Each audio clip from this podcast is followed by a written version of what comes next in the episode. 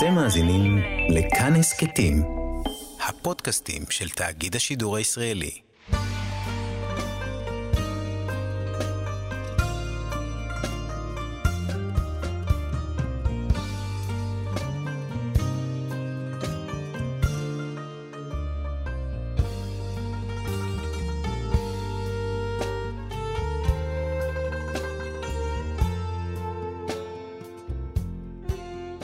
שלום, כאן מורשת חברותא לימוד משותף עם רבנים ואנשי חינוך בנושא תנ"ך, הלכה ואמונה. היום אנחנו לומדים תנ"ך יחד עם הרב איתן שנדורפי, רב בישיבת ירושלים לצעירים. כאן יד המיקרופון, ידידיה תנעמי. שלום לך, הרב איתן שנדורפי. שלום וברכה. אנחנו אה, רוצים אה, לעסוק היום בהפטרה של שבת אה, פרשת עקב, ההפטרה השנייה של הנחמה. וההפטרה הזאת נראה שהיא פותחת באיזו הקדמה מסוימת בדו-שיח הזה שדיברנו עליו, בין הקדוש ברוך הוא לבין uh, עם ישראל, וציון כביכול מתלוננת שהקדוש ברוך הוא עוזב אותה בגלות. כן. אז באמת יש פה גארה מיד אחרי זה, אבל אנחנו צריכים להבין, אנחנו ברוך השם זוכים לחיות בדורות של גאולה. אז קשה לנו להיכנס לראש, מה שנקרא, של הדורות, אה, של, של הצרות והגלות וכל המציאות הקשה שהייתה במשך כל כך הרבה מאות שנים. ולכן הנביא אומר שיהיה מצב כזה שעם ישראל יגיד, כאילו השם עזב אותנו, השם שכח אותנו, זהו, אנחנו בגלות עוברת עוד שנה ועוד שנה ועוד עשר שנים ועוד מאה שנים ואנחנו כבר אלף שנה בגלות, אלף חמש מאות שנה. מה, אולי השם שכח אותנו? ואז השם גוער, כן? התשכח אישה עולה. האישה יכולה לשכוח את הבן שלה, מרחם בן בטנה, היא יכולה לשכוח את הבן שלה. וגם אלה תשכחנה, ואנוכי לא, לא אשכחך. אז מסבירים המפרשים, מה זה גם אלה תשכחנה? אמרת שאישה לא שוכחת, אז פתאום כן. אתה אומר תשכחנה? הייתה מציאות כזאת, הרי באיכה קראנו. את המציאות הזאת שנשים אוכלות את הילדים שלהם. כן, אבל צריך להדגיש, כשנשים אכלו את הילדים שלהם במציאות הנוראות של איכה ועוד מקומות, זה נשים ש... שאכלו ילדים שכבר מתו. כלומר, זה לא חס ושלום שהם אה, שחטו את הילדים, אלא פשוט אנחנו יודעים, ילד אסור לו לצום, גם לא ביום כיפור, אה, נותנים לילד קטן אסור לה, בכלל שיצום, ילד, לאט לאט מחנכים אותו לשעות, כן. כיוון שלילד יש פחות עודפים, וכשיש אה, מצוקה של רעב, אז העודפים שלו נגמרים מהר והוא מת ברעב. אנחנו יודעים גם לצערנו בדורות האחרונים שהיו דברים כאלה, אפילו לפני מאה שנה. יש סיפור על רבי אריה לוין, שאחד מהבנים שלו מת לנגד עיניו, פשוט ברעב שהיה בארץ בזמן מלחמת העולם הראשונה. ו- ואז כשלא היה מה לאכול, אז אכלו את הילדים. אבל uh, לכאורה, הנביא באותו פסוק כאילו סותר את עצמו, תשכח אישה אולי מרחמת בפני, גם אלה תשכחנה. אז המפרשים מסבירים, גם אם אלה תשכחנה, כלומר, גם אם יש נשים כאלה קצת uh, מסובבות, לא כל כך בסדר, והן תשכחנה, אבל אנוכי לא אשכחך. זה הסבירו על פי הפשט. אנחנו אחרי זה נראה עוד uh, דרשה של חז"ל על זה, שבאמת לקחו את זה לכיוון אחר. אבל זה יהיה לנו בעזרת השם בהמשך. מאוד מעניין שהדימוי כאן הוא דימוי של קשר שבין האם לבין אה, הילד, ובדרך כלל אנחנו מוצאים אה, במיוחד בישעיהו, את הדימוי הזה של אישה ובעלה. כן, אפילו בהפטרה הזאת. זהו, למה? אפילו בהפטרה הזאת אנחנו נמצא איזה ספר כריתות עמכם. נכון.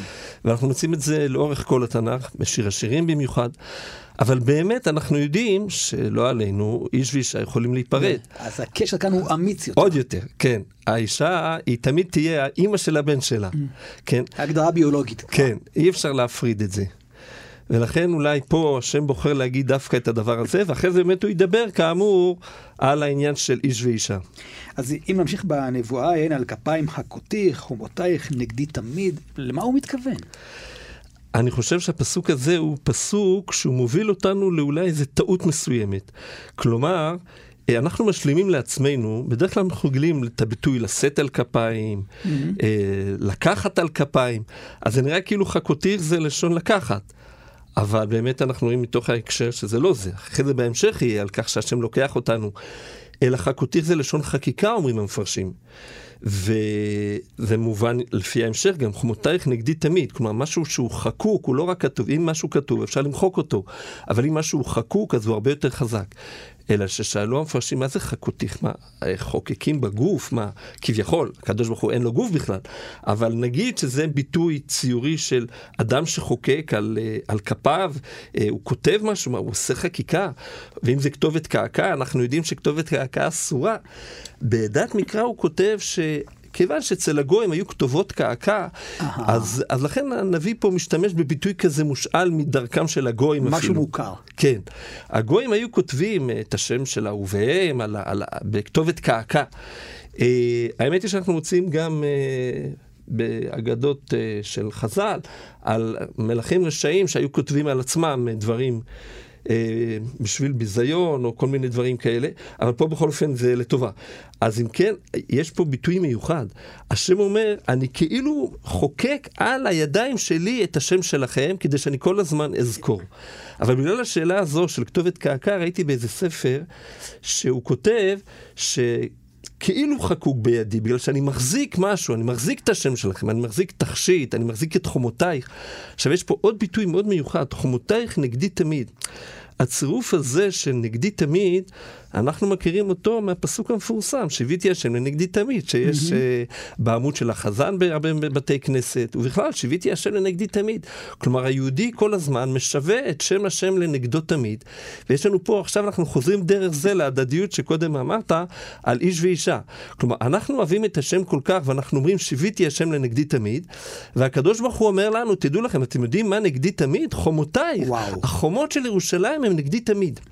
ויש פה עוד דבר מיוחד מאוד, כיוון שבפרשה אנחנו מוצאים גם כן את המילה תמיד, ובהקשר שאפשר לומר שהוא מאוד דומה לביטוי חומותייך נגדי תמיד.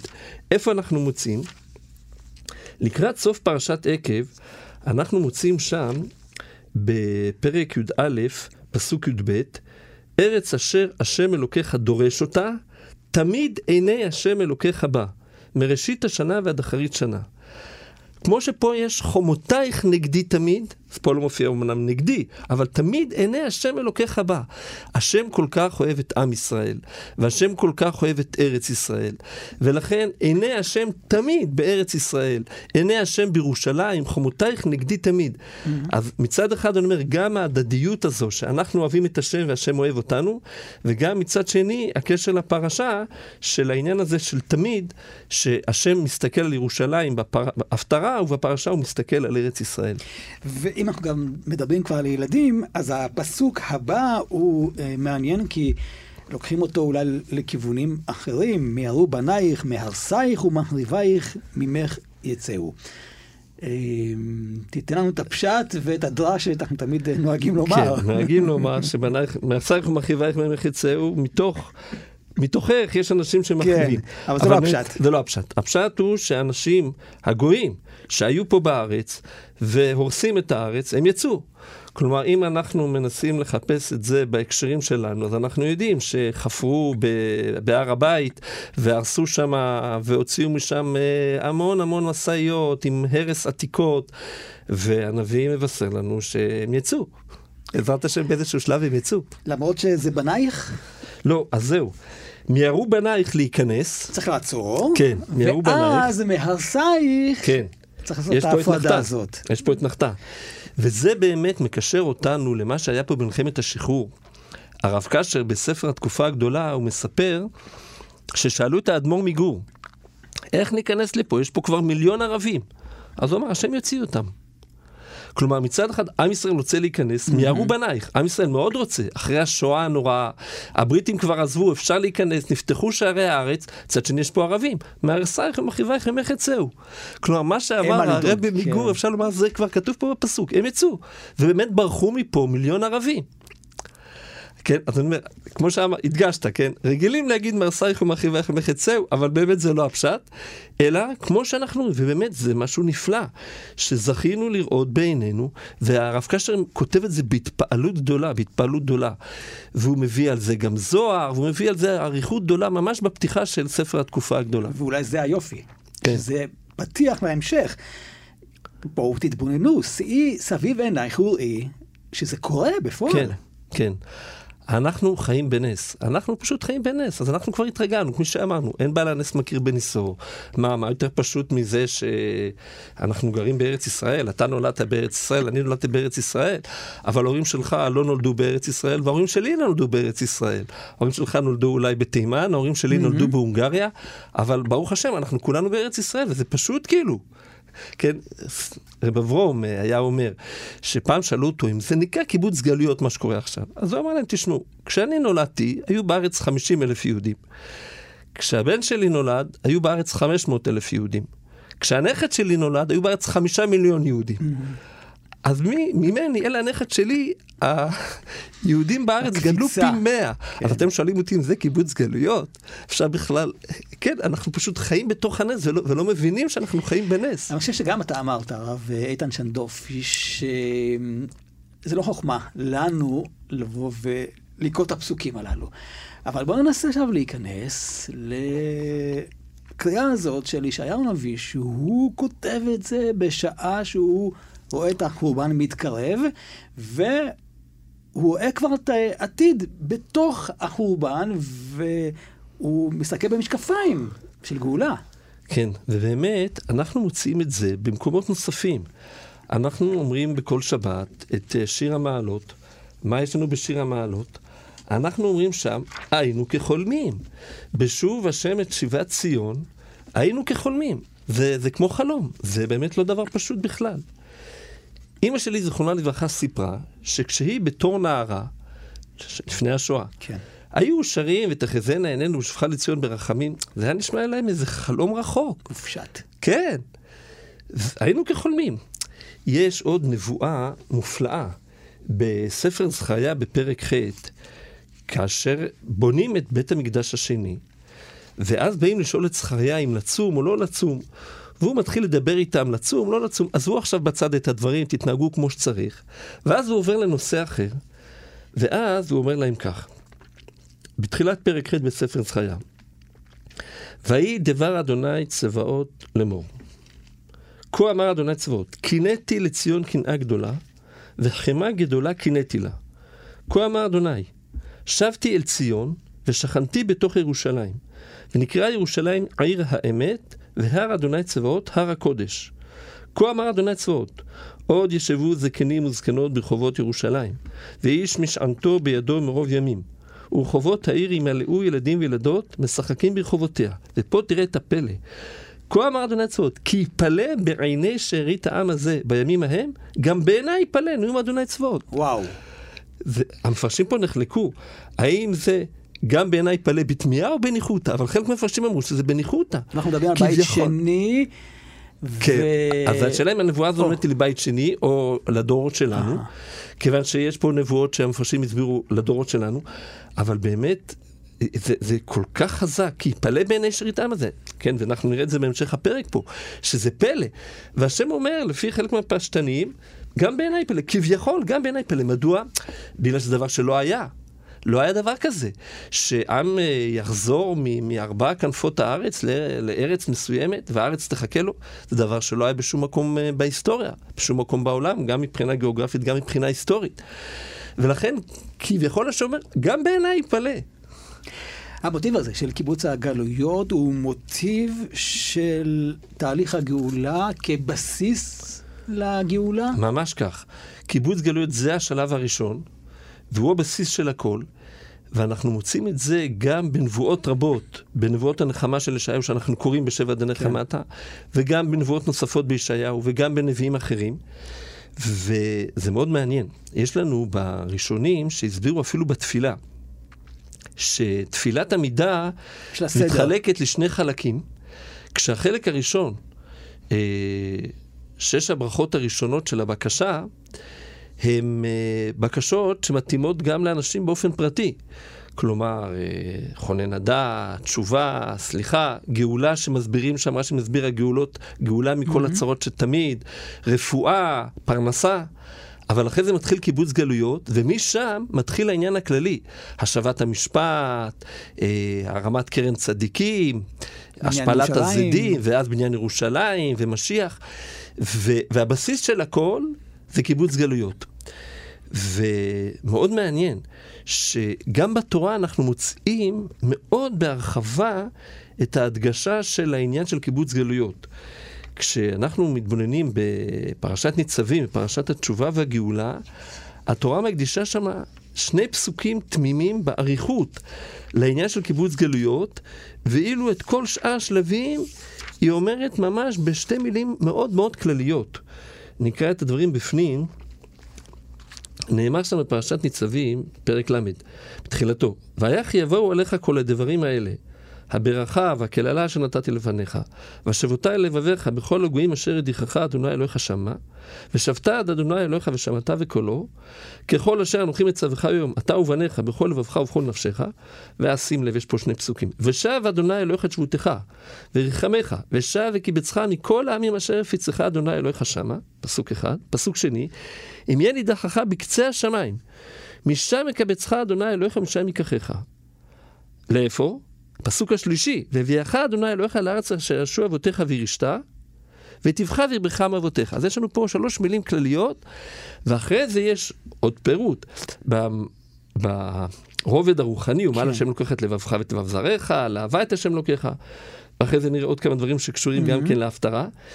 ואחרי זה יש, ואותיך השם לוקח בכל מס... אבל לא מפורט פה משיח, לא מפורט פה בית מקדש, וכן מפורטת מאוד ההתקבצות של הגלויות, בהדגשה מאוד גדולה. כיוון שא', זה דבר שהוא פלא עצום, פלא עצום. כלומר, אחרי שעם ישראל נמצא בארץ והוא מקים את מקדש, זה כאילו כבר שלב קטן יחסית. כן. אבל איך עם ישראל יצא מהגלות? מה, מה פתאום שהגויים ייתנו לנו לצאת? האם אנחנו ראויים לצאת? כפי שאנחנו נראה בהמשך הנבואה הזאת ממש של עקב. ו, ולכן גם התורה וגם הנביאים אה, כל כך מעריכים בעניין הזה של קיבוץ גלויות, וגם בכתובים, כפי שראינו אפילו, כן, במה שאנחנו רואים כל שבת, בשיר המעלות, היינו כחולמים. זה משהו שלא נתפס, זה כאמור, אנחנו שאנחנו פה, אז קל לנו. אבל, אבל דורות קודמים, באמת אומר ישעיהו, זה, כן, או זכריה, גם בעיניי פלא. הרב איתן שנדורפי, שאתה מסתכל על קיבוץ הגלויות הזה, אתה יכול לאפיין אותו במשהו מאוד מיוחד בהשוואה למה שהיה ביציאת מצרים, בבית שני? כן. מצד אחד אנחנו יכולים לדבר על גאולה שלישית, ויש לנו בחז"ל את הביטוי גאולה שלישית, כלומר נגאלנו ממצרים, נגאלנו מבבל. אבל קיבוץ גלויות, אף על פי שהביטוי הזה כל כך שגור על פינו, אנחנו אומרים אותו שלוש פעמים לפחות כל יום בתפילה, אבל בעצם קיבוץ גלויות של דורנו, דורותינו, זה קיבוץ גלויות ראשון. ומדוע? תסביר. אני אסביר. במצרים לא היינו בגלויות, היינו בגלות אחת. אחת, גלות מצרים. כל עם ישראל היה במצרים, ומשם עלינו לארץ ישראל. בבבל היינו בבבל, עלינו מבבל. ואילו עכשיו אנחנו עולים מארבע כנפות תבל. מאוסטרליה ומאפריקה, מתימן, מאסיה, מדרום אמריקה, מצפון אמריקה, רק בדורותינו יש קיבוץ גלויות. והדבר הזה, אני אומר, הוא פלא עצום. ואנחנו לפעמים חושבים, טוב, בסדר, כבר אנחנו רגילים, הייתה גאולה ראשונה, mm. גאולה שנייה. נכון, גאולה כן. כלומר, לצאת מתחת המשעבד, זאת גאולה. אבל להתקבץ מארבע כנפות הארץ, זה חידוש עצום. פעם ראשונה. עכשיו, הפעם הראשונה הזאת זה לא התחיל אתמול ולא שלשום, כן? זה כבר תהליך שהוא בעיקרו, בעיקר 400, 140 שנה, 140 שנה, כן? מבערך העלייה, כן, אלה בתמר של התימנים, ואז כן. העלייה מרוסיה, אלה בתמר. היום אנחנו בתשפ"ב, זה היה בתרמ"ב, בתמר. בערך 140 שנה, שמאז יש לנו קיבוץ גלויות ובאמת, זה הפלא הגדול. עכשיו, אני רוצה להדגיש, גם התורה, גם הנביאים, גם הכתובים, כולם מדגישים את זה, ואנחנו לפעמים כשאנחנו קוראים, מרוב שאנחנו, פשוט לנו הכל, אז אנחנו לא שמים לב לפלא. ואם קודם דיברנו על פרשת התשובה והגאולה בפרשת ניצבים, אז זה מה שהתורה אומרת בשני הפסוקים, ואני אפרט יותר. אמרנו שבפסוק ג' התורה אומרת, ושב השם אלוקיך את שבותך וריחמך, ושב וקיבצך מכל העמים אשר הפיצך השם לוקח שמה. אז כבר פה כתוב וקיבצך מכל העמים. אז מה התורה אחרי זה אומרת? אם ינית לך בקצה השמיים, משם יקבצך השם אלוקיך ומשם ייקחך. זה כבר כתוב בכל העמים. אלא, היה אפשר להבין, בצרה מכל העמים, טוב, זה ארצות שפה, אה, בלשון ימינו, מצרים, סוריה, ירדן, לבנון, עיראק, הקרובים. הארצות הקרובות, כן. אבל לכן התורה מדגישה, אם אין לך בקצה השמיים, לא סוריה ולא מצרים, לא ירדן ולא עיראק, זה לא קצה השמיים. אפילו איטליה, שגלות mm-hmm. רומי, זה לא קצה השמיים. קצה השמיים זה אוסטרליה, זה דרום אפריקה, זה צפון אמריקה, דרום אמריקה, זה קצה השמיים. ולכן התורה מדגישה, תדע לך, אפילו אם תהיו בקצה השמיים. עכשיו, אנחנו מוצאים דברים דומים, גם, אה, גם בהפטרה שלנו, של פרשת עקב, אנחנו רואים גם כן, בפסוק י"ח של פרק י"ט, שאי סביב עינייך אורי, כולם נקבצו באו לך. הביטוי נקבצו, ואחרי זה יש לנו אה, עוד ביטויים כאלה שהם על, על מקומות רחוקים. למשל, אם ניקח את אה, ההפטרה של אה, יום העצמאות, בישעיהו פרק י"א, אז יש לנו שם, אה, בקיבוץ גלויות שם, והיה באום ההוא יוסיף השם שנית ידו לקנות את שאר עמו אשר יישאר, סתם, הביטוי הזה, שאר עמו אשר יישאר, זה כל כך מזכיר את הביטוי שארית הפלטה, mm-hmm. כן, אחרי השואה, שאר עמו אשר יישאר. אז מה כתוב פה? מאשור וממצרים ומפטרוס ומכוש ומאלם ומשנער ומחמת ומאיי הים. ונשא נס לגויים, ואסף נדחי ישראל, ונפוצות יהודה יקבץ מארבע כנפות הארץ. כן, מדהים. יש פה עוד פעם את הביטוי הזה. וכן, במזמור, שיש שומעים אותו כל יום שישי לפני מנחה. הודו לשם כן, ו- ואנחנו רגילים לומר אותו בפתיחת יום העצמאות ובפתיחת יום ירושלים, מזמור ק"ז. כן, זה גם המזמור של חג הפסח. אה, והוא ב... כן. כן. אז שוב, כיוון שאומרים אותו בחג הפסח, זה נראה כאילו זה מדבר על הגאולה ממצרים, אבל לא, ממש לא. איך זה מתחיל? הודו לאדוני כי טוב כאילו לעם חסדו, יאמרו גאולי אדוני אשר גאלה מיד צר. אז פה זה יכול להיות פסח.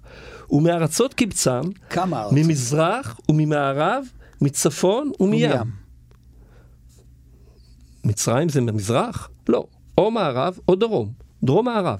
דרום אפילו אין פה. וגם מאוד מעניין, מזרח, מערב, צפון, ים. ים אנחנו יודעים שזה מערב. מדוע יש פה גם מערב וגם ים? זה אולי רומז לגאולה שלנו של הדורות שלנו, במיוחד אה, מלחמת השחרור מיד אחריה, שאולי רוב העלייה הייתה באוניות, ולכן ים זה לא כיוון מערב, אלא ים כפשוטו. דרך הים. דרך הים. וזה מה שאנחנו מוצאים עוד. מול האוניות פה בפרק הזה, שיש פה הרבה נונים הפוכות, כן, זה רומז גם לגירוש, שהבריטים גירשו את האוניות שהגיעו לפה, שלחו אותם בחזרה, או לקפריסין, או אפילו לאירופה. ואנחנו יודעים שפה יש לנו ארבעה גאולים, טעו במדבר בשמעון דרך, זה יכול להיות, נגיד, עם ישראל גם לא טעה במדבר, היה לו את עמוד הענן, אבל uh, יורדי הים באוניות, ממצרים לא עלינו לא באוניות, לא חצינו את ים סוף ביבשה לגמרי, לא היינו צריכים אוניות. אז מה זה יורדי הים באוניות? ברור שכל המזמור הזה, הוא מדבר על הגאולה שלנו. ואני אומר, הדברים הם כל כך פשוטים שמתבוננים בהם קצת, אבל uh, מתוך שאנחנו כל כך רגילים לביטוי של קיבוץ גלויות, אז נראה כאילו זה פעם שלישית. לא. פעם ראשונה שיש קיבוץ גלויות, וזו תופעת טבע פשוט לא נתפסת, וזה מה שאני אומר, גם בעיניי פלא. דבר שלא היה מעולם. לא היה מעולם. חברותה עם ידידיה תנעמי חברותה כאן אה, במורשת חברותה יחד אה, עם הרב איתן שנדופי, ואנחנו לומדים את הפטרת אה, פרשת עקב, ותאמר ציון עזבני השם. וראינו בהתחלה שהגויים שנמצאים בארץ יוצאים. השאלה, מה קורה עם הגויים שנמצאים בחוץ לארץ, ואולי הם לא מעוניינים שהיהודים יצאו ממקומות שהם בהם נמצאים? אז מאוד מעניין. יש לנו בפסוקים כ"ב כ"ג, כה אמר השם אלוקים, הנה אשא אל גויים ידי, ואל עמים ערים ניסי, והביאו בנייך בחוצן, ובנותייך על כתף תינשאנה. והיו מלכים אומנייך, ושרותיהם מי ניקותייך, אפיים ארץ ישתחוו לך, ועפר רגלייך ילככו, וידעת כי אני אדוני אשר לא יבושו קוביי. כלומר, יש פה הבטחה שהגויים יעזרו לנו לעלות לארץ ישראל. Mm-hmm. וזה בעצם רמז להצהרת בלפור, והסכמת כל האומות לאשר את הצהרת בלפור. אה, כן, ממשלת הוד מלכותו רואה בעין יפה את הקמת הבית הלאומי לעם היהודי בארץ ישראל. מלכים אמנייך, כן? המלכים רוצים לעזור לנו, כן? אם זה מלך אנגליה, אם זה שאר אה, האומות. ו... והם שמחים לעזור לנו. וזה יתרה מזה, יש כאן מעמד אחר אנחנו פתאום מקבלים. או. זה לא שכמו במצרים, גירשו אותנו, קדימה, ת, תלכו מפה. פה הפוך. כן, מאוד מיוחד. אה, הרב נרם מביא שכתב אה, קולונל סקוט, מגילת הגדוד, הוא מביא שם אנגליה כאילו הוציאה דף מהתנ"ך וחתמה עליו שהיא מאשרת את מה שכתוב בתנ"ך, את, ה, את הגאולה של עם ישראל וזה שעם ישראל חוזר לארצו. עכשיו, אבל כשאנחנו מתבוננים פה ביחס לעמים, יש פה משהו מאוד מעניין. כלומר, מצד אחד יהיו עמים שיעזרו לנו, מתוך כבוד עצום שמשתחווים לנו. מצד שני, אנחנו יודעים שעמים שכל כך הציקו לנו, האם הם לא יקבלו עונש? אז יש פה פסוק חריף ביותר. פסוק כ"ו בסוף פרק מ"ט, ואכלתי את מונייך את בשרם. מונייך זה לא לשון מספר, זה לשון לא תונו איש את עמיתו. זה אלה שמצערים אותנו, מצערים אותנו בדיבור, מצערים אותנו בייסורים, במשך כל הגלויות. כן. אז מה השם אומר? השם יאכיל אותם את בשרם, כלומר, הם יאכלו אחד את השני. וכעסיס דמם ישכרון, הם כאילו ישתו את הדם אחד של השני. זה, זה פסוק נורא. אבל מצד שני, זה העונש שמגיע להם. ואם אנחנו מתבוננים איפה זה מופיע כבר בתורה, זה מופיע גם כן שם, באותה פרשה של הגאולה, כן, אחרי שהתורה מדברת על זה שעם ישראל חוזר לארצו, אז היא אומרת שם, בפסוק ז', בפרק ל' בספר דברים, ונתן השם אלוקיך את כל העלות האלה כן, את כל הקללות שמופיעות בפרשת כי תבוא, על אויביך ועל שונאיך אשר רדפוך. כלומר, הם צריכים להיענש. ופה יש לנו עונש, אבל מאוד מיוחד. לא רק ש... הם יענשו, אלא ואכלתי את מונייך בשרה, זה נשמע, בעצם יש פה רמז למלחמות אחים. וכאשר אנחנו מתבוננים, אם זה בעשר שנים האחרונות ויותר, יש לנו מלחמת אחים בסוריה, שכבר גבתה את חייהם של mm-hmm. חצי מיליון אנשים, ואני לא מדבר על אה, פצועים וגולים, פליטים. וכשאנחנו מסתכלים אחורה עוד קצת, 20, 30, 40 שנה אחורה, אנחנו יודעים שהייתה מלחמה בין איראן לעיראק, שנהרגו שם יותר ממיליון אנשים במלחמת אחים. אז אומנם זה שם שתי אומות, איראן ועיראק, אבל uh, כולם ערבים. והייתה לנו מלחמת אחים בלבנון, אז נכון שגם שם זה כאילו שני עמים, נוצרים ומוסלמים, אבל באופן כללי, uh, אנחנו יודעים כתוב וסכסכתי מצרים במצרים, נכון, זה ממש ביטוי. נכון, ובאמת חז"ל דורשים את הפסוק הזה, שירמיהו הנביא אמר את זה ליאשיהו המלך במובן היותר רחב, שאף על פי שכתוב מצרים במצרים, זה לפעמים גם מצרים מול אשור, כלומר, מצרים זה שם כללי לאומות אה, העולם שמקיפות אותנו, ו- ומלחמות אחים שקורות בהם. ו- פשוט אנחנו רואים לנגד עינינו. כלומר, מצד אחד אולי יש אנשים שכואב להם שיש מלחמת אחים בסוריה, אבל מצד שני, אם אנחנו נזכרים באיזו אכזריות הם התנהגו כלפינו, אם זה כלפי השבויים שלנו, אם זה כלפי התושבים שהיו שם, או בעיראק, מלחמת איראן-עיראק, כן? הרי אה, היה שם פרעות ביהודי עיראק, כן. וגם כשהם ברחו לא נתנו להם להוציא גרוש, היו צר... עם, עם בגד לאורם בקושי יצאו, ואת כל הרכוש שלהם הלאימו, רכוש עצום, מפעלים והכול. ו, וזה חלק ממה שהתורה מבטיחה, ומה שישעיהו פה אומר, בצורה עוד יותר מפורטת, שתהיינה מלחמות אחים בין הגויים. וזה מה שאנחנו מוצאים בישעיהו בהמשך, מה שאנחנו אומרים בלכה דודי, כן? אה, בלכה דודי אנחנו אומרים, אה, והיו למשיסה שוסייך. והיו למשיסה שוסייך, ורחקו כל מבלייך. כלומר, אלה שמציקים לנו ושוסים אותנו, אז השם יגרום לזה שישוסו אותם, שהם יתרחקו, כן? זה לא רק, טוב, לנו טוב וזהו, לא, מגיע להם עונש. מגיע להם עונש על כל הצרות שהם עשו לנו במשך כל השנים.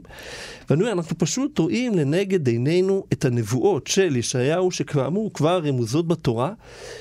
ו- ואני אומר, זה לא משהו חד פעמי, כן, מלחמת, אה, מלחמת אחים בסוריה היא כבר יותר מעשר שנים, ובלבנון הייתה מלחמה 15 שנים, ובין עיראק לאיראן הייתה מלחמה משהו כמו שמונה שנים. ו- ובמלחמות, אני אומר, ש- שנהרגו שם מאות אלפים ולפעמים יותר ממיליון. אשרינו שזכינו להיות בדור הזה. חברותה עם ידידיה תנעמי. חברותה בתנ"ך כאן אה, במורשת, יחד עם הרב איתן אה, שנדורפי. ואיך אמרנו קודם, ראינו את ההתגשמות של הנבואה, אבל אני רוצה עכשיו להיכנס לראש של מי שנמצא בגלות, והוא קורא את הפסוקים הללו, אבל יש לו שאלות. אז זה לא קורה. והדו-שיח הזה אולי של ההמשך, נראה שזה מתרגם את השאלות שיעלו כתוצאה מהמציאות. כן. אז כמו שראינו שההפטרה מתחילה, ותאמר ציון עזבני השם והשם כן. שכחני, שזה ביטוי נורא. והשם אומר, זה לא יכול להיות, מה, אתם הבנים שלי, מה, אני לא שוכח אתכם. אבל על גבי זה, יש שאלה חדשה. בפרק מ"ט פסוק כ"ד, היו כך מגיבור מלכוח ומשבי צדיק ימלט? כלומר, בסדר, אתם, הבנתי, השם, אתה לא עוזב אותנו. אבל מבחינה מעשית, מה, הגויים מוכנים לוותר אותנו? כאילו, המצרים, כן, הם uh, היו מוכנים לשחרר אותנו. עד שהם לא חטפו את עשר המכות, אז הם לא היו מוכנים, בסוף לא הייתה להם ברירה. אבל מה, השם עוד פעם יביא עשר מכות על, ה, על הגויים עד שהם ישחררו אותנו? היו כך מגיבור מלכוח, כלומר, כשהגיבור, העם שמנצח, הוא לוקח בשבי מישהו, ועם שבי צדיק ימלט, כן? האם השבי, רש"י מסביר, של, של, שלנו, שאנחנו עם צדיק, אנחנו נצליח לברוח? מה, איך mm-hmm. זה יקרה? איך זה יקרה? כלומר, מבחינה מעשית, איך זה יקרה? ואז השם אומר, ככה אמר השם, גם שבי גיבור יוקח, ומלכו החריץ ימלט. יכול להיות שזה יהיה בהימלטות, יכול להיות שיקחו את יריביך אנוכי יריב, אני אטפל בהם, כן? ואת בנייך אנוכי אושיע, כפי שאמרנו, שהשם אחרי זה אומר, ואכלתי את מונחת בשרם. כן. אבל עדיין יש פה שאלה נוספת. בתחילת פרק נ', כה אמר השם, איזה ספר כיתות עמכם? עכשיו פה צריך להדגיש, בדת מקרא הוא מדגיש, איזה זה שתי מילים, זה לא מילה אחת איזה, איזה ספר זה, לא, אי, איפה? איפה ספר כיתות עמכם? האם יש במציאות ספר? האם נתתי, אומר השם, גט לאימא שלכם, כנסת ישראל, אשר שילחתיה, או מי מנושה אשר מכרתי אתכם לא? אני מכרתי? לא. הן בעוונותיכם נמכרתם. אתם חטאתם, ובפושעיכם שולחה עמכם. כן, אבל אולי לא מגיע לנו חס ושלום להיגאל. אם חטאנו, אז אולי לא מגיע לנו שנזכה לגאולה. לא, לא, לא, לא, לא. אני מסדר את הדברים. אני רוצה לגאול אתכם. והוא בא בטענות אה, על, על עם ישראל, שהם לא איתו במהלך. כן, ואז עכשיו יש פה ביקורת. מדוע באתי ואין איש? אני רוצה לגאול אתכם, קדימה תשתפו איתי פעולה. קראתי ואין עונה. הקצור קצרה ידי מפדות, ואם אין בי כוח להציל, תסמכו עליי. Mm-hmm. הן בגערתי אחריב ים, אשים נערות מדבר, יש פה רמז גם כן אולי למכות של מצרים. אחריב ים, זה אולי קריאת ים סוף. תבאש דגתה מעין מים, זה אולי רומז לנו מכת צפרדע, כן, שכל היאור באש, ותעמוד בצמא. אני יכול לעשות את הכל, מה אתם לא סומכים עליי? גם על ביש שמיים כדרות, אולי מכת חושך? או, כן, ככה הוא מביא בדעת מקרא, שבאמת אולי יש פה רמז למכת חושך. אז אם כן, אתם יודעים את הכוח שלי. נתתי למצרים עשר מכות, לא שזה מה שיהיה עכשיו, אבל כשם שאז ידעתי איך להסתדר, ויש לי את הכוח, אני שומר לעצמי איך אני בדיוק אפעל מול האומות. אבל אתם תאמינו בי, ותשתפו פעולה, וכשאני מנסה לגאול אתכם, אז תענו לבקשתי, תענו למה שאתם רואים במציאות, ותעלו לארץ ישראל. וזה מאוד מעניין, אחרי זה יש לנו פה, ששהיה אומר, גבי נתתי למכים ולחיי למורטים, פניי לא הסתרתם כלימות ורוק. האם זה פה על נבואות אה, נחמה? על זה הוא אומר? יכול להיות, לפעמים אדם אומר אה, נבואת נחמה, ואומרים, תשמע, אתה, אתה חולם, אתה חולם, אתה, אתה מדבר שטויות, זה, זה לא מציאותי. אז על זה הוא חוטף מכות אפילו. כן? בגלל שאם זה היה צריך להיות מול נבואות התוכחה, אז הפסוקים הללו היו צריכים להיות uh, בפרק א', בחזון ישעיהו בן אמוץ, שקראנו בפרשת דברים. זה נראה ש... שזה מול הנחמה, אנשים כל כך רחוקים מתפיסת הנחמה, הם כל כך שקועים בגלות, שהם אומרים לו, תפסיק לדבר, זה, אתה, אתה מדבר שטויות, כאילו, חס ושלום. והשם אומר, לא, והשם אומר, תראו, היה אברהם אבינו, נכון? הוא היה לבד, לא היו לו ילדים, הוא היה עקר, אשתו הייתה עקרה, הוא כבר מגיע לגיל 100, הוא מגיע לגיל 90. נו, שום דבר לא מתקדם. מילא הוא צדיק יסוד עולם, mm-hmm. עולה לארץ ישראל, מפרסם שם השם בעולם, אבל, אבל אם אין לו המשך, אז מה יהיה? לא. אז אני דאגתי, כן? הביטו אל, אל אברהם אביכם ואל שרת תחוללכם, כי אחד קרטיב, הוא היה אחד, אבל בברכהו והרבהו. בסופו דבר יש את עם ישראל. כך שכשם שם מאברהם אבינו, אני הוצאתי את עם ישראל, ככה אתם תצאו מהגלות, ואתם תהיו מבורכים, ואתם תהיו מרובים, והכל ילך, כל התוכנית האלוקית תצא לפועל. זה, זה לא, יש לכם קושיות, איך זה במציאות, איך זה בזכויות, עזבו את הכל. תאמינו בי, אני אעשה את הכל. והסיום הנפלא של ההפטרה, כי ניחם השם ציון, ניחם כל חורבותיה, ויעשה מדברה כעדן. וזה גם כן, אנחנו רואים את ארץ ישראל בימינו פורחת, כמו גן עדן, ערבתה כגן השם. אנחנו יודעים, אר, ארץ ישראל הייתה שממה, כן? מפורסם מה שכתב מרק טוויין, כשהיה פה בארץ לפני 150 שנה. והוא מספר איך אה, הוא מטייל בכל המזרח התיכון, mm-hmm. והכל אה, מאוד אה, הומור, הכל מאוד פורח, הכל מאוד שמח, והוא מגיע לארץ ישראל, הוא אומר, אני רק שומע את התנים, שורקים, אני רוצה רק לברוח מפה, הכל פה מדבר שממה. ואנחנו יודעים, כן, היה הקו הירוק עד מלחמת ששת הימים. אז סימנו את הקו בצבע ירוק. אבל בעצם אמרו שיש בזה עומק. מהקו לכיוון מערב, איפה שיושב עם ישראל, הכל ירוק. מהקו לכיוון מזרח, איפה שישבו ערבים, הכל או שחור או חום או לבן, אבל לא ירוק, שום דבר לא פורח. כשעם ישראל מגיע לארץ ישראל, ארץ ישראל, המדבר, נהפך לגן עדן. ובאמת בזה אנחנו יכולים לראות גם קישור לפרשה, כיוון שפרשת עקב, גם בתחילתה וגם בסופה, עוסקת בשבחה של ארץ ישראל. בתחילת הפרשה, בפרק ח', אנחנו מוצאים מפסוק ז', כי השם אלוקיך מביאך אל ארץ טובה, ארץ נחלי מים, עיינות ותאומות, יוצאים בבקעה ובהר, ארץ חיטה ושעורה וגפן ותאנה ורימון, ארץ זית שמן ודבש, ארץ השלום ומסכנות תאכל בה לחם, לא תחסר כל בה, ארץ אשר אבניה ברזל, ומרעה תחצוב נחושת. ואחר כך, בסוף הפרשה, אנחנו מוצאים בפרק י"א פסוק י', כי הארץ אשר אתה ואשמה לרשתה, לא כארץ מצרים אשר שאתם יצאתם משם אשר תזרע את זרעך והשקית ברגלך כגן הערק. והארץ אשר אתם עוברים שמה לרשתה, ארץ הרים ובקעות, למטר השמיים תשתה מים, ארץ אשר השם לוקח דורש אותה. תמיד עיני השם לוקח בה מראשית השנה ועד אחרית שנה שכבר הזכרנו קודם. ו, ועל גבי זה התורה עוד מבטיחה. Mm-hmm. בסוף הפרשה, כי אם שמעו תשמרו את כל המצווה הזאת, אשר אנוכי מצווה אתכם לעשותה, לאהבה את אדוני אלוהיכם, ללכת בכל דרכיו ולדבקה בו, והוריש אדוני את כל הגויים האלה לפניכם, וירשתם גויים גדולים ועצמיים מכם. כל המקום אשר תדרוך כף רגליכם בו לכם יהיה, מן המדבר והלבנון, מן הנהר נהפרת ועד הים האחרון יהיה גבולכם. לא יתייצב איש בפניכם, פרדכם ומערכם ייתן אדוני אלוהיכם על פני כל הארץ אשר תדרכו בה, כאשר דיבר לכם. ואנחנו מקווים לראות את זה שעם ישראל ישלוט בכל ארץ ישראל המובטחת פה, כפי שהובטחה על אברהם אבינו, מנהר פרת ועד הנילוס, ולא רק אה, גבולות פרשת נשא, אלא גבולות הרחבים. ובעזרת השם, אנחנו נראה את זה בקרוב. לפני ממש סיום. התזכורת כאן של אברהם ושרה, מה המשמעות של זה? אז אמרנו, קודם כל, כשם שאברהם היה יחיד ויצא ממנו עם גדול, ב', כל ההבטחות התחילו כבר אצל אברהם אבינו.